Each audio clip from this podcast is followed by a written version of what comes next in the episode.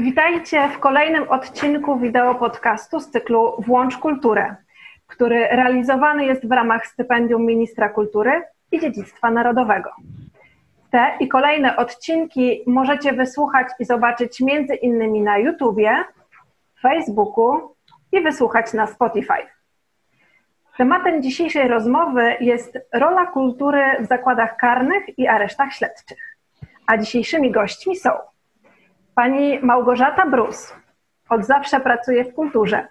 Ukończyła kulturoznawstwo na Uniwersytecie Kardynała Stefana Wyszyńskiego w Warszawie. Pisze pracę magisterską na temat udziału w kulturze kobiet osadzonych z długoterminowymi wyrokami na podstawie własnych badań. Z Fundacją Dom Kultury jest związana od prawie 10 lat.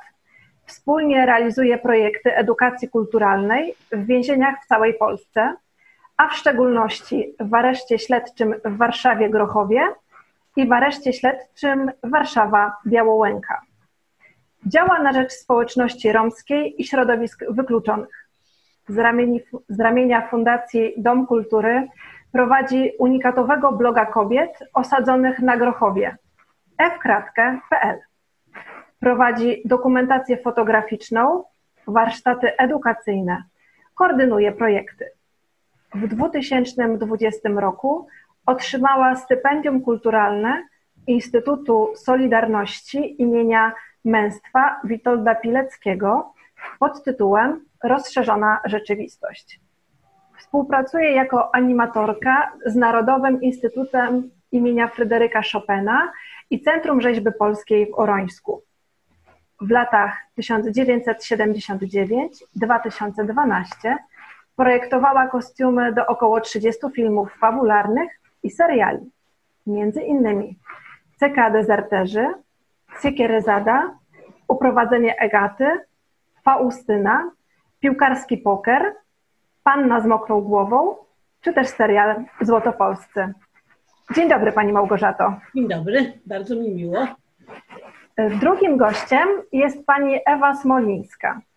Od 2012 roku wychowawczyni do spraw kulturalno-oświatowych w areszcie śledczym w Warszawie Grochowie.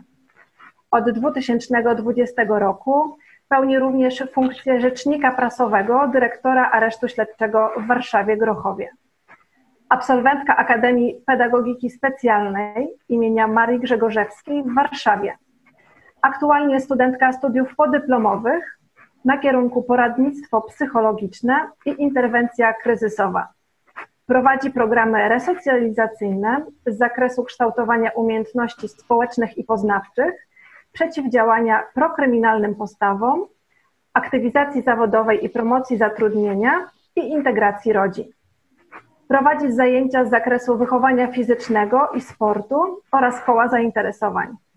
Wspiera twórczość własną osadzonych. Nadzoruje pracę biblioteki oraz radiowęzła w jednostce penitencjarnej. Prowadzi redakcję Gazety Więziennej. Współdziała z fundacjami, stowarzyszeniami w związku z artykułem 38 Kodeksu Karnego Wykonawczego. Organizuje wystawy oraz koncerty. Aktywnie motywuje osoby przebywające w jednostce penitencjarnej do udziału w akcjach charytatywnych oraz wszelkiego rodzaju akcjach kulturalnych, między innymi Narodowe Czytanie, Noc Bibliotek, Bohater On. Dzień dobry Pani Małgorzato. Dzień Witam dobry. serdecznie. Pani Dzień Ewo. Dobry. Pani Ewo. Pani Ewo, przepraszam, to jeszcze raz. Witam serdecznie Pani Ewo. Dzień dobry. Hmm? E, bardzo się cieszę, że przyjęłyście Panie e, tutaj zaproszenie na, do tego wideo podcastu, że będziemy mogły e, porozmawiać na temat właśnie roli kultury i włączania osób osadzonych w te działania kulturalne. Czy to jest w ogóle możliwe? Jakie to ma efekty dla osób osadzonych?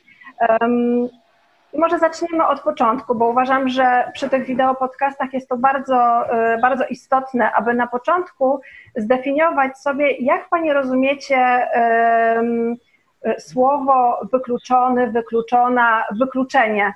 Jaka jest Pani definicja taka pochodząca z Pani doświadczenia, pochodząca z działań, które Panie prowadzicie? Może Pani Małgorzato.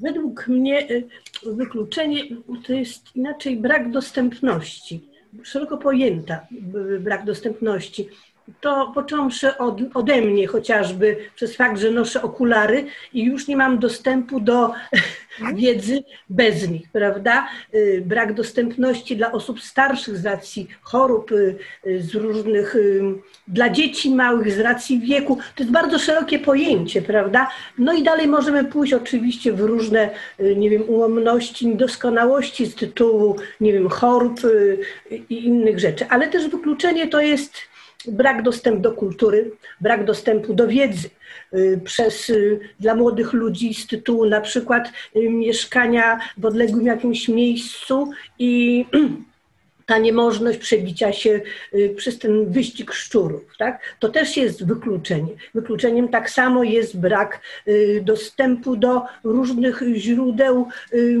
finansowania, y, na przykład dla dzieci romskich. No, to jest no, bardzo szerokie pojęcie. No i oczywiście kluczowym to jest wykluczenie. Tutaj Ewa byłaby najlepszym chyba tutaj rzecznikiem. To są osoby, które są, przebywają w więzieniach, prawda? One są wykluczone w ogóle prawie z życia y, społecznego, ale nie do końca, ale nie do końca y, mają ograniczony dostęp do, y, do wszystkiego. I to jest takie mocne wykluczenie. Tutaj pomimo oczywiście wszystkie osoby, które borykają się, że tak powiem, no, z problemami zdrowotnymi, prawda, chorobami, które są w szpitalach, to też jest wykluczenie. To jest ogromne pojęcie, tak szerokie, że myślę, że nawet encyklopedia i słownik nie jest w stanie tego ogarnąć. Mhm.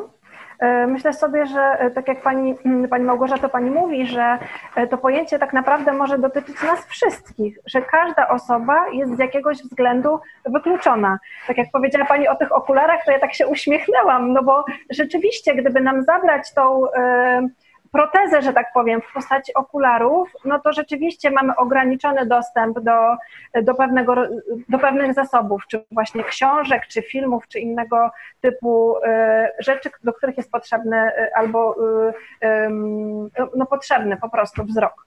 Tak. rzeczywiście to każdy z nas z jakiegoś powodu może być wykluczony. Mhm. Pani Ewo, a jaka jest Pani definicja Moja definicja jest bardzo podobna jak e, pani Małgosi. Pani Małgosia powiedziała to szerzej. Ja się nie będę rozwodzić, bo e, e, no jest to po prostu pojęcie, które można opowiadać, o nim mówić i, i mhm. wymieniać, kiedy możemy być wykluczeni. W skrócie takie dla mnie to jest takie uniemożliwienie, takie ograniczenie i utrudnienie jakiejś jednostce bądź grupie społecznej dostępu do, do, do funkcjonowania po prostu w jakichś tam strukturach społecznych. Mhm tak ogólnikowo. Natomiast tak jak e, pani Małgosia powiedziała, no osoby tutaj przebywające w więzieniach są e, no, taką największą i najszerszą taką grupą e, wykluczoną ze społeczeństwa, bo wiadomo, że jest noszenie okularów też wyklucza z, z czegoś tam. Natomiast odbywanie tej kary pozbawienia wolności w takim szerszym znaczeniu wyklucza z takiej większości tych, tych dóbr społecznych po prostu.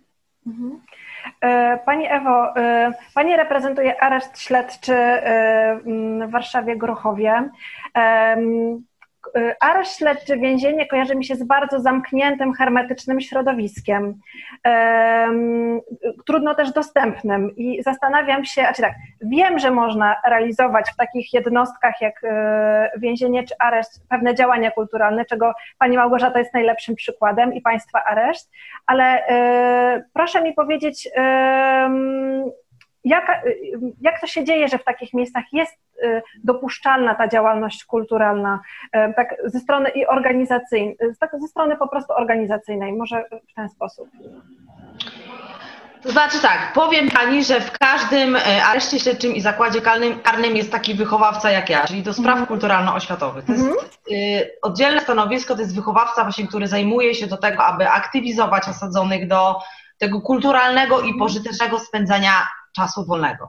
Mhm. E, my jesteśmy zobligowani do właśnie współdziałania z fundacjami, stowarzyszeniami, e, różnymi instytucjami, które pomogą po prostu w readaptacji społecznej mhm. osób e, osadzonych w więzieniu.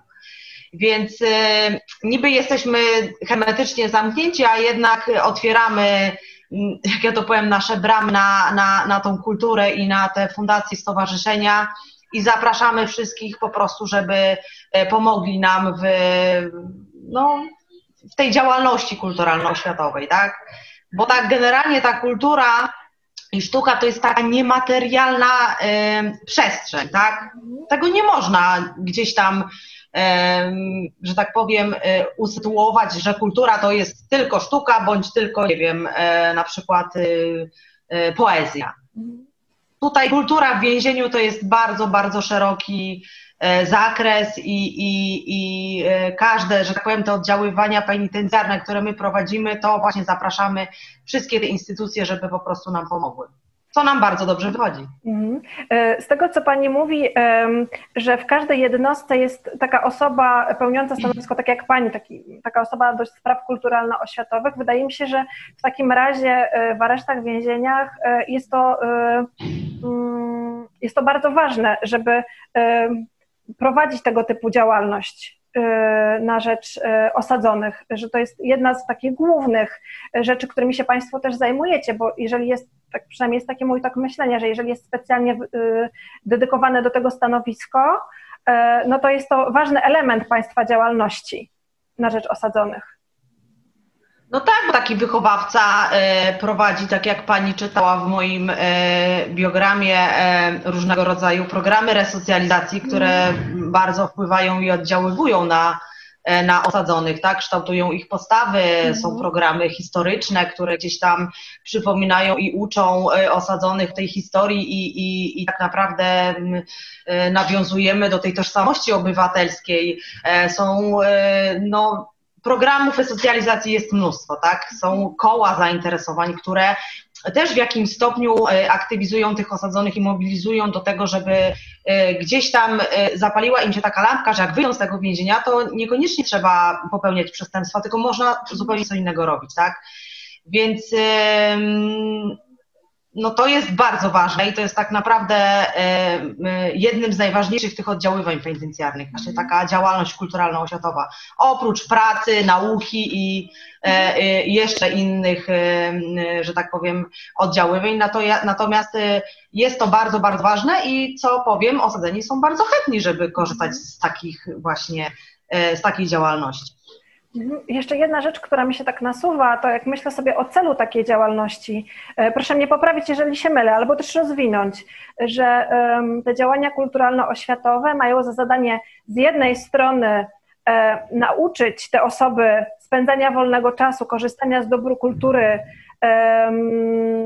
czego wcześniej nie, potencjalnie nie robiły, nie wykorzystywały tego czasu w ten sposób, a z drugiej strony E, zakotwiczenie w nich tych nawyków e, na przyszłość, że w momencie, kiedy wyjdą z aresztu, z więzienia, żeby mogli e, też te nawyki z więzienia, z tych zajęć przenieść na życie takie społeczne, że tak jak Pani powiedziała, że oni nie muszą wracać do tego środowiska i do tych działań przestępczych, które do tej pory realizowali, tylko ten czas, tą energię i tą wiedzę, którą zdobyli podczas zamknięcia, spożytkować na coś, co będzie plusowało w ich życiu? No między innymi tak, generalnie wie Pani, na to wszystko to się składa bardzo dużo czynników, tak, czy ta osoba wyjdzie i nie będzie dalej popełniała przestępstw, między innymi jest ta działalność kulturalno-oświatowa. E, natomiast tak, taki mamy cel, żeby y, stworzyć właśnie takie warunki do tego, żeby osoba, która jest osadzona w tym więzieniu, nauczyła się pewnych takich zachowań, które no dla nas są naturalne, ale dla tych ludzi, którzy tutaj są, niektórych te zachowania nie są naturalne, więc my staramy się poprzez właśnie taką działalność wy, wyuczyć pewnych, y, wyuczyć pewne zachowania, które później będą, że tak powiem, działały z automatu i, i będą to pozytywne działania. Mhm. W związku z tym, że, y, no tak jak powiedziałam, y, może to się y, wiąże z tym, że mm, mam ten obraz więzienia i aresztu jako bardzo takiej zamkniętej, sformalizowanej instytucji. Czy podczas prowadzenia zajęć takich typu kulturalno-oświatowych panują jakieś specjalne reguły, którą, które muszą zachowywać e, z jednej strony osadzeni, którzy biorą udział, a z drugiej strony osoby z zewnątrz, które przychodzą e, z jakimś projektem, z jakimiś działaniami. Jak to wygląda? Tak od kuchni, jakby Pani mogła, albo Panie mogłyby opowiedzieć, jak to wygląda? To ja może powiem, jak to wygląda e, na, na zajęciach z osadzonymi, gdzie na przykład nie ma tego podmiotu zewnętrznego, tak? Okej, super. Jeżeli ja prowadzę zajęcia z osadzonymi, to e, mamy spisany kontrakt na pewno, tak? Mhm. Czyli jakie zachowania są dozwolone na zajęciach, a jakie są niedozwolone. Jeżeli Mhm. ktoś zrobi kontrakt, to automatycznie jest z tych zajęć usuwany.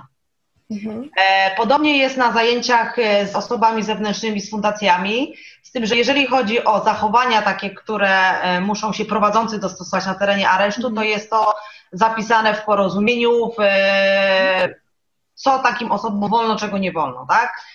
A jeżeli chodzi o grupę, to e, podejrzewam, że tak samo są to kontrakty, wiadomo, co osadzeni mogą, czego nie mogą, co może prowadzący, czego nie może, ale myślę, że jeszcze może pani Małgosia coś dopowie z tej strony. Właśnie jakby Panie mogły tak, y, y, nie wiem czy można, ale wydaje mi się, że to są takie bardzo ogólne rzeczy.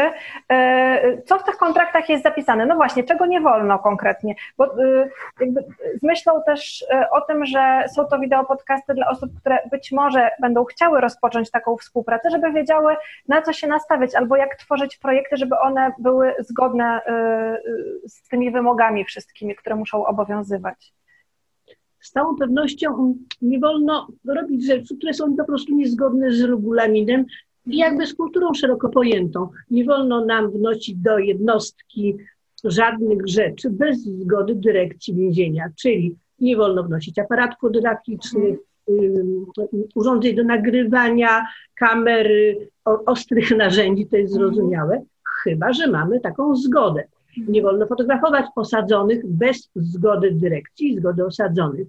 Nie wolno publikować żadnych treści niezgodnych y, właśnie z tym kontraktem. y, Prawda? Jak na przypadku naszego bloga staramy się nie publikować y, rzeczy, które byłyby w jakikolwiek sposób obraźliwe dla samych osadzonych czy dla służby więziennej, która dla nas jest niezwykle życzliwa i nam bardzo pomaga. Także to, to są takie ogólne ogólne zasady. No poza tym zasady bezpieczeństwa, chociaż muszę przyznać, że przez tyle lat y, bywania w więzieniu, na spotkaniach y, różnych z osadzonymi, nigdy w życiu nie spotkała mnie żadna niestosowność, brak kultury, y, tak zwane brzydkie słowo. Zawsze to jest niezwykle serdeczna i miła atmosfera, bo umówmy się, osadzeni to też są ludzie, którzy znaleźli się po prostu no, przez jakiś błąd po drugiej stronie, ale w dalszym ciągu są też ludźmi. To są osoby niezwykle nam życzliwe i jakby wdzięczne za to, że do nich przychodzimy. A jeszcze przed pandemią ten kontakt był właśnie osobisty. Teraz widzimy się już tylko online dzięki y, pani Ewie. Y, Czyli straciliśmy jakby ten bezpośredni, bezcenny społeczny jakby kontakt, ale podtrzymujemy go dalej. Takich, y, Słuchajcie, nic bez służby więziennej, nic, nic bez ich zgody, że tak powiem, się nie może wydarzyć. Mhm. Czy podczas zajęć y, są, y, oprócz y, uczestników zajęć, są osoby, przedstawiciele służby więziennej, czy nie? Czy to zależy Jak od zajęć? Jak najbardziej. Zawsze nam towarzyszy właśnie pani wychowawczyni, zawsze ktoś jest z nami.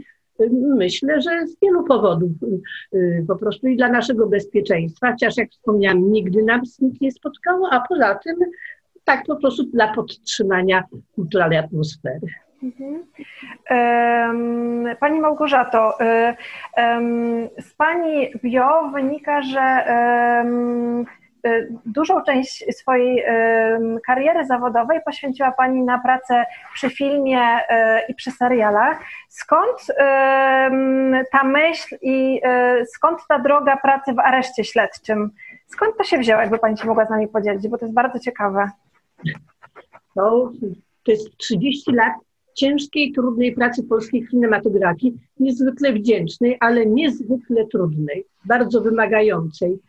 To jest praca, która wymaga y, wysiłku intelektualnego, ale i też fizycznego, bo kostiumy są ciężkie, naprawdę, proszę mi wierzyć. Y, Praca bardzo niezwykle, niezwykle stresująca. I w momencie, kiedy został zakończony y, serial Złotopolscy, była taka podjęta decyzja przez telewizję polską, jakby niechcący zdarzyła się dla mnie okazja, jakby zakończyć swoją karierę, że człowiek już się wypalił. Już myślałam, że już chyba wszystko wypowiedziałam, co miałam powiedzieć w swoim życiu i pomyślałam, że czas coś w swoim życiu zmienić. no zawsze jest to tak trochę przypadek pomaga do następnych działań. To już anegdota. Moja córka y, z wiceprezes, z córką wiceprezeski w Centrum Masłowskiej Fundacji Dom Kultury chodziły razem do gimnazjum. Mhm.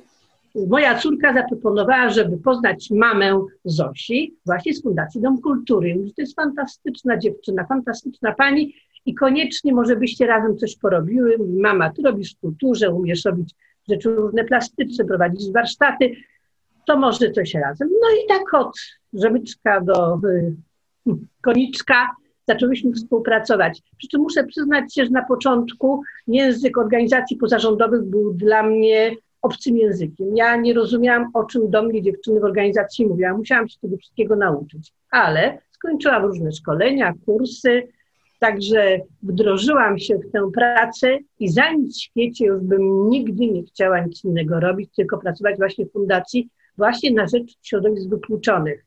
Film został z tyłu, gdzieś daleko, jako miłe wspomnienie, a y, tutaj wolę pomagać, wolę y, działać. Chyba coś odnalazłam, jakąś swoją drogę w życiu. Tym bardziej chyba u nas to też jest rodzinne. Siostra moja cioteczna prowadzi schronisko dla zwierząt. Mm. Siostra pracowała w policji, także wszystkie razem jakoś tak y, działamy. Śmiałam się nawet z tej drugiej siostry, ja mówię Małgosia, też Małgosia mówi, ty zamykasz y, osoby do więzienia, a ja je potem edukuję, im pomagam y, prowadzić jakieś zajęcia fajne.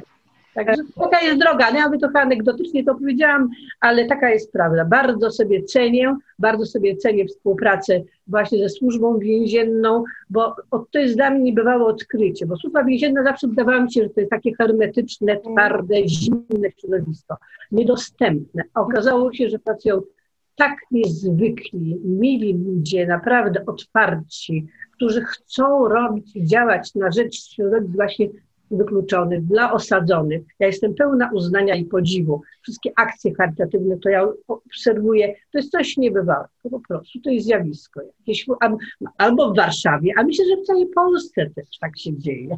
Oby, oby w całej Polsce tak samo się działo. I to, tak jak Pani mówi, że odnalazła Pani swoją e, nową ścieżkę, to myślę, że e, bardzo dobrze jakby to powiedzieć, może Pani być Ewa spokojna w Warszawie, że ma e, tutaj stałą współpracowniczkę do działań kulturalnych. E, wspomniała Pani, Pani Małgorzato, o Fundacji Dom Kultury. I właśnie na stronie e, tej fundacji przeczytałam takie zdanie. Przez ponad 10 lat działalności zyskaliśmy przekonanie, że kultura i sztuka ma sprawczą moc. Oddziałuje pozytywnie na każdego człowieka, niezależnie od pochodzenia, statusu, wieku i sytuacji życiowej. Czy mogłyby Pani rozwinąć tę myśl, e, a może podzielić się doświadczeniem, że ta e, kultura, e, którą Panie próbujecie wdrożyć w areszcie, rzeczywiście sprawiła, że, że dana osoba się zmieniła, że coś się pozytywnego zadziało? Pani Ewo. Ja mam zacząć, tak? E, to znaczy, jeżeli chodzi o kulturę, to e, czy jesteśmy w więzieniu, czy jesteśmy na zewnątrz, to ona praktycznie ma takie samo działanie, tak? Jeżeli e, jest to jakiś sposób na, na, na to spędzanie czasu, na, na tą więzienną nudę, ja bym powiedziała sobie, tak? Bo jeżeli chodzi o życie w więzieniu, to jest regulamin, który jest codziennie taki sam, trzeba się do niego podporządkować i tylko właśnie takie, czy zajęcia kulturalno-oświatowe, czy to, co osadzony sam sobie wymyśli, co chciałby robić, to jest właśnie to, y, to jego kulturalne spędzanie czasu i ta jego mini kultura w, w jednostce penitencjarnej. E, wachlarz tutaj, y, że tak powiem, zajęć i, i, i możliwości kulturalnych jest bardzo duży, tak? bo y, od art terapii, bo biblioterapię, po różnego rodzaju koła zainteresowań, E, które gdzieś tam o każdego osadzonego zahaczają i jednemu pasuje, drugiemu mniej. E, mhm. Wiadomo, każdy ma swoje zainteresowania. Jakiegoś takiego, wie Pani, przykładu Pani nie przytoczę, bo nic mi do głowy takiego spektakularnego nie przychodzi. Mhm. Więc nie chciałabym tutaj nic, e, nic takiego wymyśleć. Natomiast jest wiele przykładów takich, że osadzeni, którzy gdzieś na początku swojego pobytu w jednostce penitencjarnej nie chcieli nic robić, byli zbuntowani, twierdzili, że nie potrzeba im żadnej pomocy. Po jakimś czasie, po rozmowach, po pokazywaniu różnego rodzaju rzeczy, otwierają się, e, próbują, e, gdzieś tam już wychodzą na te zajęcia i, i, i właśnie są takie zdania, że o, myślałam, że to, czy myślałem, że będzie to nudniejsze, a jest to bardzo fajne, więc będę korzystać dalej z tych mhm. zajęć. Więc, więc myślę, że to jest już duży sukces, że ci osadzeni nawet po jakimś czasie próbują. Nic na siłę nie robimy, bo na siłę to się nie da nic zrobić. Więc my czekamy po prostu na ten moment, kiedy, kiedy ten osadzony się otworzy, albo przyjdzie taki moment, my mu pomagamy w tym mhm. oczywiście. A zdarza się tak, że ten moment nie nadchodzi w ogóle przez całą, że tak powiem, przez cały okres pobytu. Także mhm. niestety. No to jest, e, tak jak Pani mówi, no to jest do, e, dobra wola e, skorzystania bądź nie. No, jakby dalej te osoby zostają wolne w, takim sensie e, no, wolne do podejmowania pewnych decyzji w ramach tak. w areszcie i jakby nie zmuszając do y, pewnych rzeczy, zachowujecie Państwo też ich podmiotowość. Y, Oczywiście, my, tylko, my tylko zachęcamy, pokazujemy, jakie są korzyści z tego, e, i albo ten osadzony w końcu skorzysta z tego, albo nie, tak? Więc próbujemy wszystkich sił, fundacja nam w tym pomaga, wspieramy siebie nawzajem, więc nawet fajnie nam to wychodzi, bo e, że tak powiem, dużo, dużo osób e, gdzieś tam odbywających tą karę w naszej jednostce e, to bardzo chętnie korzysta z, różnych form. Tak? Ja nie mówię tylko tutaj o zajęciach z Fundacją do Kultury, ale z kół zainteresowań, z wystaw, które są organizowane, z jakichś tam konkursów, z koncertów. Tu taka jest mała mini społeczność, gdzie jest wszystko. Mhm. Wszystko. Mhm. Pani Małgorzata. Może Pani Małgosiu. Mhm. E, czy e, ma Pani jakiś przykład osoby bądź e, grupy osób, które te działania kulturalne z tej grona osób osadzonych wpłynęły pozytywnie, coś zmieniły? Widziała Pani podczas zajęć pewien krok w przód? Nawet niech to będzie z naszej perspektywy mały krok, ale dla tej osoby może być on gigantycznym krokiem do zmiany. Czy zauważała Pani takie znaczy, momenty? Znaczy, takim pierwszym chyba namacalnym krokiem jest y, to, że dziewczyny piszą na naszym blogu fkratkę.pl. Polecam Państwu oczywiście do zaglądania na tego bloga. Jest to blog y, specyficzny, ponieważ tworzą go właśnie dziewczyny osadzone w areszcie śledczym w Warszawie-Grochowie. My ten, tego bloga moderujemy i i na wolności, jest redakcja na wolności, jest redakcja w więzieniu, ale nie o tym. Chodzi mi o to, że ja obserwuję przez parę lat, jak im się zmienił sposób wypowiadania, sposób pisania, sposób formułowania myśli, jak bo to mówimy, że jednak są to osoby, które parę lat spędzają y, w tym miejscu, a blok też już trwa od 14 roku. W związku z tym mam możliwość zaobserwowania tej perspektywy. To jest ogromna umiejętność, y, wie Pani. Poza tym, mm, jakby osadzeni w więzieniu patrzą przez swój pryzmat, przez pryzmat swojej kultury, pryzmat kultury więziennej. My mhm. przedstawiamy jako fundacja im inne pryzmaty. Pryzmat sztuki, pryzmat edukacji, jakby rozszerzamy im właśnie tę rzeczywistość, rozszerzamy im sposób patrzenia. To można byłoby porównać trochę może do ucznia, który uczy się czytać i pisać, i po jakimś czasie musi być ten efekt, prawda? W końcu się nauczyć czytać, w końcu nauczyć się pisać. Więc w związku z tym wieloletnia praca z osadzonymi musi przynieść ten efekt, że ta osoba zacznie postrzegać ten świat inaczej. A z takich bezpośrednich y, badań, doświadczeń, myślę, że ktoś powinien w ogóle przeprowadzić takie badania na zewnątrz, dotrzeć do osadzonych, które wyszły na zewnątrz i jak skorzystały z tej oferty kulturalnej y, służby więziennej, bo to jest ogromna oferta. My jesteśmy tylko takim małym wsparciem ich działań. Y, I, ale mamy kontakt z niektórymi osobami na Facebooku bo te osoby się z nami kontaktują już na wolności i mówią o tym na przykład, że ile rzeczy się dowiedziały, ile skorzystały. Naprawdę, i to już ja mówię bez kotelik, że mówią, no nareszcie ktoś do mnie o czymś mówił, ja wiedziałam, o czym ta osoba do mnie mówi, że to doświadczenie sztuki, doświadczenie kultury, poznanie różnych nazwisk, bo mówmy się, zapraszamy wielkich artystów do więzienia. W swoim czasie zapraszaliśmy jeszcze na wystawy organizowane w Kordegardzie, jak był wspólny projekt realizowany. Także y, to osoby doświadczają kultury w życiu, by w swoim życiu prywatnym gdzieś tam nie miałyby kontaktu y, z taką kulturą, jaką my im oferujemy i z tym, co oferuje im więzienie. Ja spojrzałam się, Pani Ewo, że tak powiem, na służewcu ktoś mi powiedział, to powiem a propos tego programu bibliotecznego, że bibliotekarz na służewcu powiedział mi, że y, więźniowie są drugą grupą czytelniczą po studentach. Najwięcej czytają. To jest ogromne. To jest ogromna zasługa więzień, że jednak więźniowie mają ten dostęp do książek i no, mają czas, prawda? To też jest ważne, ale i że chcą, że ktoś ich potrafi tutaj zachęcić do tego czytelnictwa. No, także to jest to ogromne pole do popisu dla wszystkich i, i naprawdę to jest okazja wyłapać tych ludzi i pomóc im i kształcić naprawdę okazja dla społeczeństwa, żeby nie przegapić tego czasu, który oni tam spędzają w tym więzieniu przez tyle lat, tylko żeby ci ludzie wyszli lepszymi, mądrzejszymi, jak tu pani Ewa powiedziała, y, bogatszymi o tę wiedzę że, i potem, żeby umieli z tej wiedzy skorzystać. Naprawdę, to jest bezcenne. To jest bezcenne. Kultura jest nadrzędna. Bez kultury, rozwoju kultury, uczestnictwa w kulturze nie ma rozwoju człowieka, nie ma rozwoju jednostki. Im szersza ta, e, jest ta oferta i szerszy zakres, to jest na, najlepsze, co może się zdarzyć w więzieniu dla tych ludzi. Także ta kara to nie jest czas stracony, to jest czas bardzo, może być mądry, pod warunkiem oczywiście, że to osoby, jak pani Ewa powiedziała, chcą skorzystać z tego. Także... To czas szansy też poniekąd.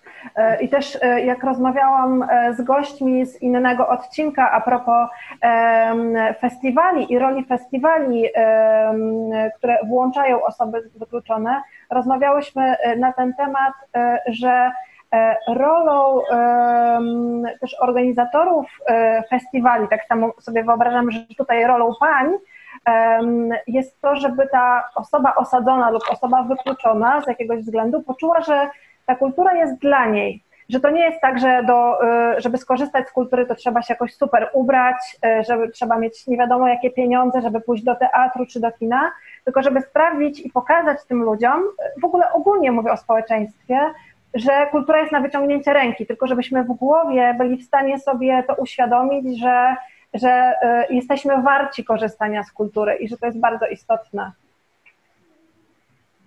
Mm, e, pani Ewo, tutaj, e, przepraszam, Pani Małgorzato, tutaj pytanie do Pani głównie. Kiedy Pani myśli o różnych projektach, działaniach skierowanych do grupy osób osadzonych, czy mm, myśli Pani, mm, jakby to powiedzieć znowu, o, konkre e, o, konkretnych rzeczach, że musi Pani na przykład zaplanować pewną ilość osób i tak dalej. Czy te projekty, które Pani przygotowuje na rzecz osadzonych, a te projekty, które przygotowuje Pani dla innych osób, które są na wolności, one się czymś różnią od siebie, czy nie? Czy to jest taki sam model myślenia, projektowania działań, czy trzeba nad czymś innym się pochylić, zastanowić?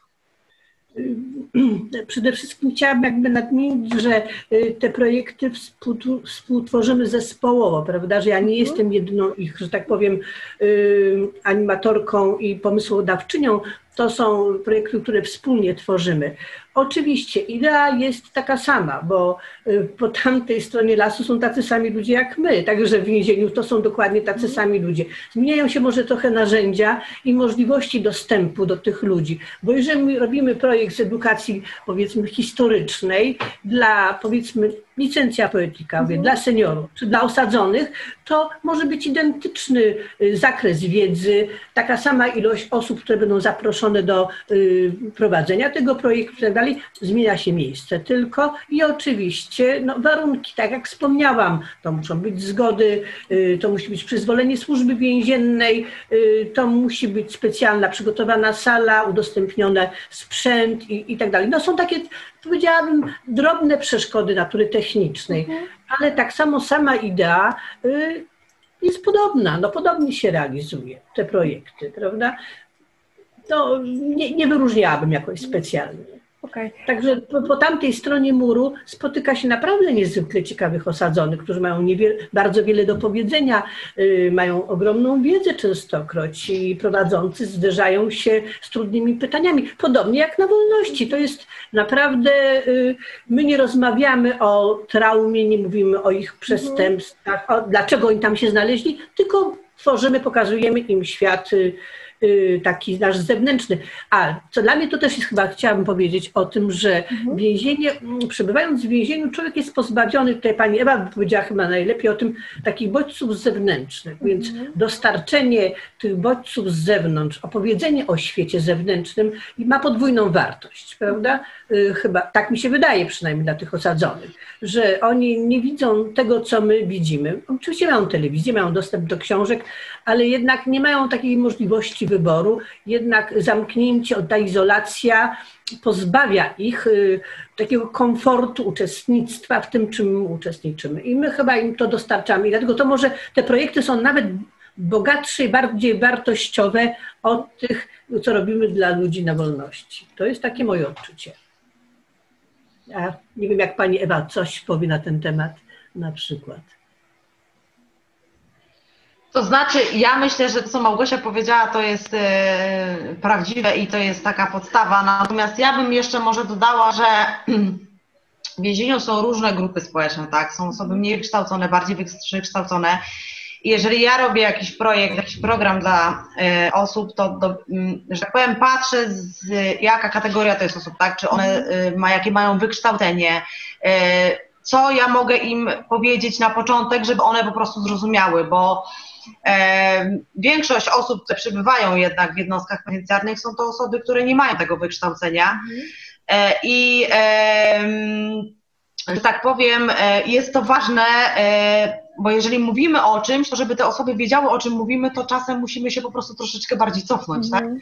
Więc ja bym jeszcze to dodała, ale tak, to, to Małgosia, pani Małgosia ma w zupełności rację, że, że tak naprawdę wszyscy jesteśmy podobni, tacy sami, tylko gdzieś tam w pewnym momencie te drogi e, e, jednemu udaje się i, i, i, i, że tak powiem, jego droga jest e, usłana różami, a inni ludzie po prostu gdzieś tam zboczyli i znaleźli się tutaj, tak. Mhm.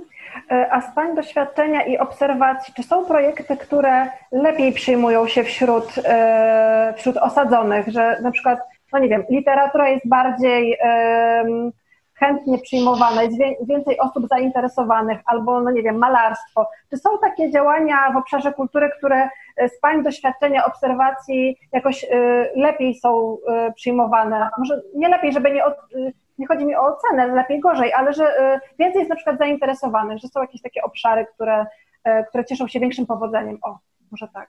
Może ja się podzielę tak szybciutko. Powiem, że na przykład programy historyczne mm, cieszą się większym zainteresowaniem w męskich więzieniach. Aha. Y, tak, to jest rzecz ciekawa. Znaczy, to nie znaczy, że panie się nie interesują historią, no, ale panowie zdecydowanie bardziej i są bardziej tacy sfokusowani na ten temat. Mhm. Z naszych doświadczeń działania wszelkie plastyczne, y, artystyczne, rzeźbiarskie, to z kolei mam dobre doświadczenie właśnie w więzieniu na Grochowie, bardzo dobrze, bardzo dobrze są realizowane, mimo że często czasem osadzona mówi do mnie, e, ja nie umiem rysować, nie, nie, nic nie potrafię zrobić. I to w sumie zależy dużo od osoby prowadzącej, bo okazuje się potem, że powstają fantastyczne prace, że ci artyści, których zapraszamy, potrafią wyzwolić taką niezbywałą energię, że ta osoba, która teoretycznie że nigdy w życiu nie rysowała, nigdy nic nie robiła, tworzy świetną pracę. Także to zależy od animatora, od y, osoby prowadzącej, bardzo dużo. No, oczywiście gdzieś tam od woli samej osadzonej. Mhm. Ale to jest to właśnie, co Panie powiedziałyście, co mi się tak pokrywa w tym sensie, że e, i tutaj, i tutaj pracujemy z ludźmi. To nie ma znaczenia, czy pracujemy e, w areszcie, więzieniu, czy na wolności z osobami. Na tym przykładzie Pani Małgorzata, co Pani powiedziała a propos zajęć artystycznych, bo ja mam z kolei doświadczenia pracy z mieszkańcami DPS-ów, e, wykorzystując scrapbooking i terapię narracyjną i też spotykałam się na początku, że nie, nie, nie, ja to w ogóle rzeczy plastyczne, nie, nie, nie potrafię, nie umiem, a jednak taka animacja, rozmowa, zachęcenie, postawienie tego pierwszego kroku i potem się okazuje, że wszyscy potrafimy, tylko każdy na swój sposób. Więc tutaj y, rzeczywiście świetnie nam się to pokrywa, że nieważne, gdzie te zajęcia prowadzimy, czy w zamkniętej instytucji, czy, czy tutaj na wolności, osoby są te same, mechanizmy obronne są te same. Jakby tutaj nie ma to większego znaczenia. Proszę mi powiedzieć, czy mm, z Pań doświadczenia y, prowadzicie tylko zajęcia, czy prowadzone są tylko zajęcia w areszcie, czy też są prowadzone zajęcia, które pozwalają tym więźniom wyjść gdzieś, współpracować z innymi organizacjami, z innymi osobami? Czy takie działania też są realizowane? Tak, ja się wypowiem. Jak mogę, są realizowane. E, teraz niestety mamy pandemię, więc, że tak mhm. powiem, te obostrzenia i ograniczenia są wprowadzone i w tym roku nie było jeszcze żadnych takich zajęć na, poza terenem jednostki. Natomiast e, generalnie są wyjścia do muzeów, do, mm, do teatru. E, czasem uda nam się wyjść gdzieś do kina, na różnego rodzaju spacery do ogrodów, do łazienek na przykład, tak, gdzie osadzone zazwyczaj, jak organizuje takie wyjście, to przed takim wyjściem mają za zadanie zdobyć informacje na temat, na temat danego miejsca E, z biblioteki e, naszej aresztowej i one opowiadają o tym miejscu, mhm. więc to jest bardzo fajne. Super, angażujące Także też. tak, tak, są, są takie. Tak, tak. Mhm. Um, a czy... Um, bo um, mam wrażenie, że w tej rozmowie głównie skupiałyśmy się na tym, że osadzeni są odbiorcami kultury. Przychodzi pewien animator, pewna grupa animatorów, społeczników, pewne organizacje, które proponują pewnego rodzaju e, działania i ci osadzeni są e, odbiorcami kultury. A czy dzieje się tak w Państwa E, w Pani doświadczeniu, że ci osadzeni stają się też e, twórcami różnych działań, które prezentują na zewnątrz, na przykład biorą udział w jakichś przeglądach nie wiem, teatralnych, muzycznych, czy są takie e, w ogóle organizowane? Z tego, co się orientuję tutaj w Wielkopolsce, wiem, że jest przegląd teatrów więziennych w Poznaniu. Przyjeżdżają teatry z całej Polski, właśnie z różnych aresztów więzień i prezentują swoją twórczość. A jak z Pani doświadczenia? Czy są y, również y, organizowane różnego rodzaju konkursy, przeglądy i działania, żeby ci osadzeni nie byli tylko odbiorcami, ale byli także twórcami kultury. Oczywiście jest mnóstwo konkursów, w których osadzone biorą udział, bo i służba więzienna e, razem z różnymi instytucjami organizują takie konkursy, tak jak Pani tu powiedziała, właśnie przegląd sztuki więziennej w Poznaniu, jest przegląd sztuki więziennej w Sztumie, tutaj jeżeli chodzi o teatry więzienne, tak? Natomiast jest bardzo, bardzo dużo konkursów, e, które osadzone indywidualnie biorą udział, tak? Czy jest to rysunek, poezja, e, jakaś praca, praca e, plastyczna właśnie, czy, czy, czy gdzieś tam do napisania. Natomiast jeszcze ostatnio ja się spotkałam też z takim fajnym konkursem, to był konkurs do wykonania po prostu z odpadów mhm. biżuterii, tak? Mhm. Zasadzone wykonywały biżuterię z różnego rodzaju nakrętek plastikowych, gdzieś tam łączyły, e, więc to taki recykling, ale bardzo, bardzo fajne i osadzeni chętnie biorą w tym udział. Mhm. Też inna forma, zupełnie taka na czasie, tak naprawdę. Tak, tak, tak. Mhm. A opowiedz o tych akcjach charytatywnych waszych, jak dziewczyny szyły fantastyczne rzeczy. To jest tak, właśnie wyjście do świata na zewnątrz. No to jest genialne w ogóle. Tak, no ostatnio akcje charytatywne to jesteśmy na, mhm. na że tak powiem, są na topie. E, staramy się mm, i funkcjonariusze i, i, mhm. i staramy się przekazać po prostu osadzonym te wartości takie najważniejsze, że ta pomoc drugiej osobie jest e, no jest nie, nieoceniona i tak naprawdę pomagaliśmy ostatnio takiej dziewczynce Hani, Mhm. E, byliśmy na kiermaszu z rękodziełem osadzonych, osadzone szyły poduszki, mhm. workoplecaki, e, teraz szyją legowiska dla schronisk, robią, robią takie koszyki piękne z wikliny papierowej, które są ozdabiane dekupażem, robią biżuterię, My robimy wszystko generalnie. Super. Robimy wszystko. Ale to dobrze, trzeba się chwalić tym, co Państwo robicie, bo to jest e, e, istotnie bardzo ważne i też takie inspirujące do tego, co, co, z czym rzeczywiście można do Państwa przyjść z jaką ofertą e, albo w ogóle się pokazać, co Państwo robicie, jaką kawał, tak powiem kolokwialnie, kawał dobrej roboty, bo wyobrażam sobie, że to jest praca no, pochłaniająca dużo energii, bo no, to jest praca z ludźmi, więc jako prowadzący też e, musicie Panie też e, e, mieć pewien zasób kompetencji i wiedzy, żeby wiedzieć, jak pracować z człowiekiem, żeby te działania przynosiły zamierzony efekt, tak? I nie zniechęcały, a wręcz odwrotnie zachęcały. Nasunęło mi się jeszcze jedno pytanie a propos tych działań, które Państwo robicie, bo tak jest moje wyobrażenie znowu, e, że jeżeli pani Małgorzata na przykład e, przychodzi z ramienia fundacji prowadzić jakieś zajęcia, to podejrzewam, że pozyskuje jakieś e, fundusze z zewnątrz. Natomiast kiedy w areszcie u pani, pani Ewo, właśnie chcecie wziąć udział w jakiejś akcji charytatywnej i szyjecie pewne rzeczy albo robicie, to skąd czerpiecie fundusze? Czy wy macie w areszcie jakiś specjalny portfel, że tak powiem, kolokwialnie pieniędzy i z niego możecie korzystać, aby aktywizować te osoby, czy również jako areszt możecie e, występować o różne środki zewnętrzne, aby pozyskać fundusze na realizację pewnych działań? Wie Pani co, więc tak, mamy taki mały portfelik pieniędzy na tą działalność taką e, więzienną tutaj w środku. Natomiast bardzo dużo rzeczy ja pozyskuję nieodpłatnie. Aha. Mhm. Więc gdzieś tam odzywam się do różnych firm, instytucji i e, proszę, żeby nas wspomogli w takich, w takich działaniach. Więc e, jest to fajne, bo mam, że tak powiem, odzew jest bardzo pozytywny, mm. bardzo dużo ludzi się gdzieś tam przykłada tą swoją cegiełkę, żeby e, pomóc i osadzonym, i ludziom, którzy potrzebują pomocy. Także to jest, to jest bardzo fajne, bo tutaj tak naprawdę przez to, że my pomagamy komuś, to my pomagamy też osadzonym. Tak, zdecydowanie. Mhm. I to jest bardzo fajne, bo, że tak powiem, dwie strony mają korzyść z tego. Mhm. Ja bym jeszcze dopowiedziała jedną rzecz a propos finansowania. Mhm. Nasza fundacja głównie wolontarystycznie działa w więzieniu. Nie. Czasem zdarzają się oczywiście projekty wspierające nasze działania, jak teraz na wydanie wspólnego pisma w kratkę, którą tworzą osadzone i ilustrują artyści z zewnątrz. Czasem dostają pieniądze, pieniądze na bloga lub jakiś projekt, ale generalnie przez cały rok dwa razy albo raz w tygodniu spotykamy się wolontarystycznie, zapraszamy ludzi wolontarystycznie, to jest działalność naprawdę społeczna.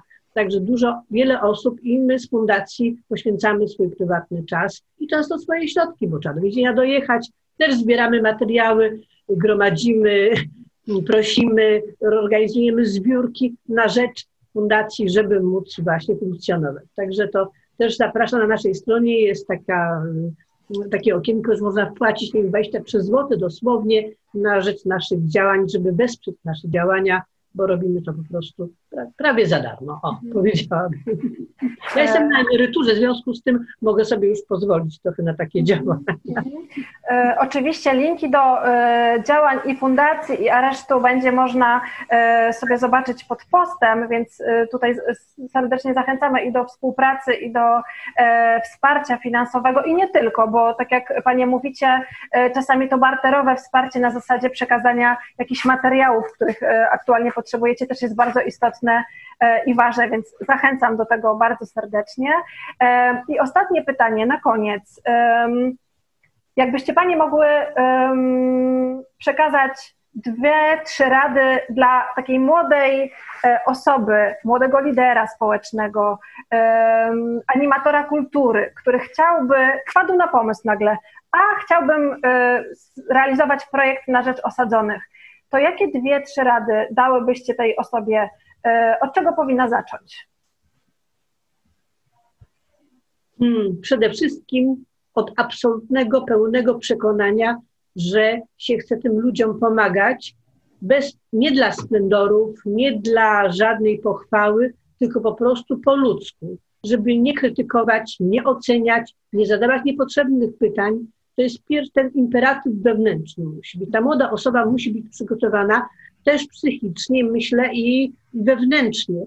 To jednak wymaga jednak jakiejś gotowości, y, chęci pomocy, pomocy innych, prawda? Podobnie jak się pomaga innym, innym, innym ludziom w różnych sytuacjach. To jest bardzo dla mnie ważne. Nawet nie tak wykształcenie, jak ta chęć pomocy, niesienia pomocy i ta prawda wewnętrzna musi być. Bo jak tej prawdy wewnętrznej nie będzie, to nikt w to nie uwierzy i ta osoba się nie przebije, a przejście przez formalne rzeczy i no to jest druga rzecz, prawda? Potem trzeba mieć pomysł. Pomysł na to, jak tym ludziom pomóc, jak im dotrzeć. Tak, Ewa? Tak, tak. I ja jeszcze bym powiedziała, dodałabym jedną rzecz, żeby w tym osadzonym zobaczyć człowieka, a nie osadzonego. Dokładnie, tak. E, a jeszcze, jeszcze Pani Ewo zapytam o taką techniczną rzecz. Z kim najlepiej kontaktować się w areszcie? E, do kogo napisać, do kogo zadzwonić w tym pierwszym takim kontakcie, gdyby chciało się e, zacząć realizować działania na rzecz aresztu albo więzienia? No to na pewno kontakt z dyrektorem jednostki i dział penitencjarny. To, to, że tak powiem, dwie takie komórki, które się tym zajmują. No, dyrektor decyduje o wszystkim, dział penitencjarny, że tak powiem, wszystkie formalności załatwia. Więc myślę, że to najpierw zacząć od działu penitencjarnego, a później dyrektor jednostki. Rozumiem, że te informacje zawsze można znaleźć na stronie internetowej e, danego aresztu, danego więzienia. Taki podstawowy kontakt do dyrekcji czy do jednostki, tak jak Pani mówi, tak. jest na stronie internetowej tak. i można um, przez to się zgłosić. Tak, tak, zgadza się. A ja jako Fundacja Dom Kultury też zapraszam wolontariuszy do współpracy, bo jest co u nas robić, jak nam pomagać właśnie, jak przy tworzeniu bloga chociażby, do przypisywania tekstów, tłumaczenia na język angielski strony poświęconej y, blogowi więzieniu i Fundacji Dom Kultury. Także potrzebni nam są wolontariusze i też zapraszamy do pracy. Ja również tak. zapraszam do działań i na rzecz y, osób osadzonych, i na rzecz Fundacji Dom Kultury. Bardzo dziękuję Pani Małgorzato i Pani Ewo za poświęcony czas i za rozmowę. A całość nagrania tłumaczyły dla nas na polski język migowy Karolina Bocian i Marta Jaroń.